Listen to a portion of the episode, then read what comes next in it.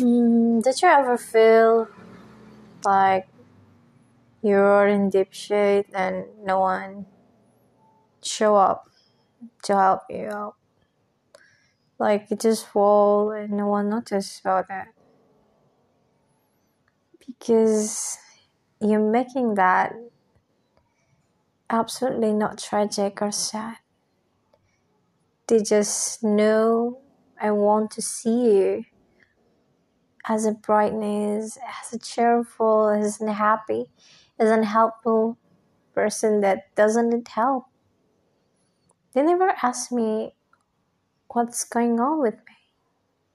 Like never. If I told them about what I've been feeling, they're loving. Like loving. Like literally I'm making a joke about my condition, about what's wrong with me.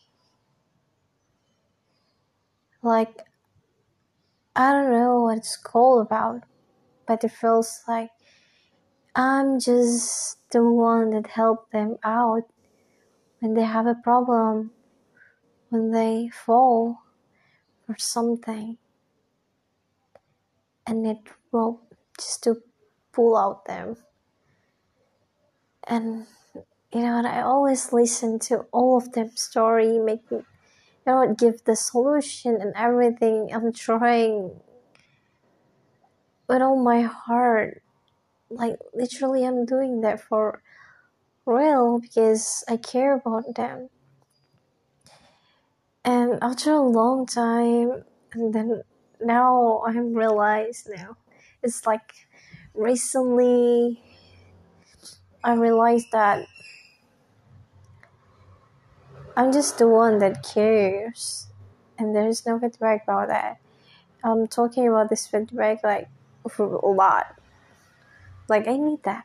I need someone that really cares about me. Like I want to depend on someone, not like everyone depend on me about their problems, and just think, oh, I told her about the story, my problems face and others. Now I want to become the person that tell you about what happened with my life.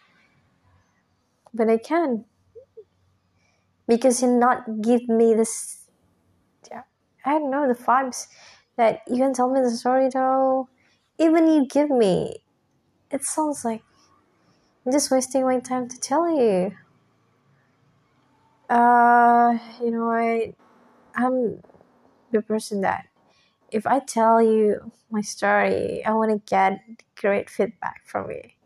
And I know I can expect everyone when I tell my story, they can, you know, give the feedback that I want. Because I think uh, the point of view of others is just different from you, of course. And I don't like them. I don't like that way because I think I want to make it version of myself that and then I'm telling her about my story what I've been up to and then what's wrong with that what I have to do. Should we run should we die should we give up or should we you know what? Just do it. No matter how hard it is no matter how frustration you are because I really want to die. Like last night, what in my head is just full of like, just die. I want to die like right now. Like literally, that's what I'm thinking about. I feel like there's no supportive system or supportive environment around me.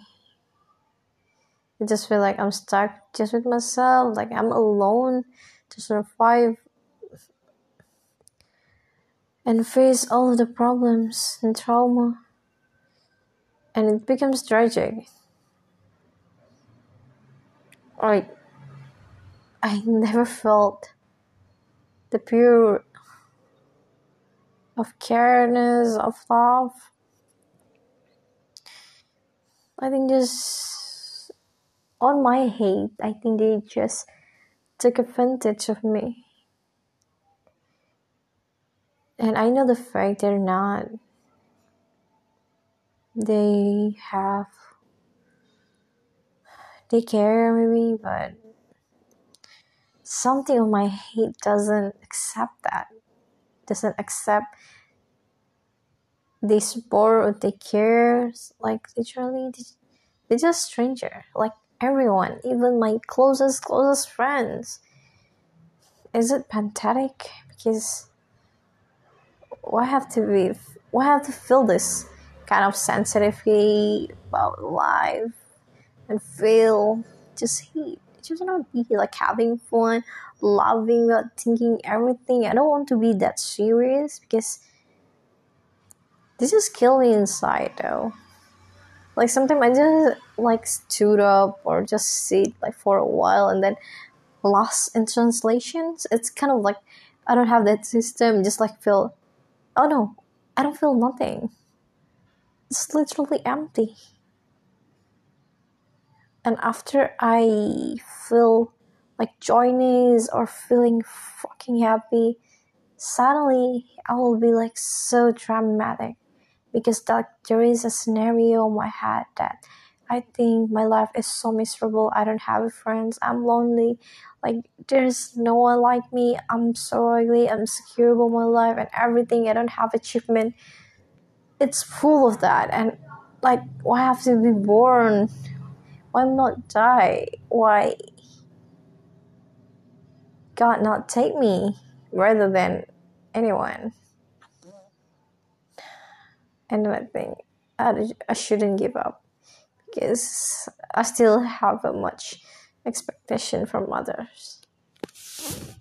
Kind of.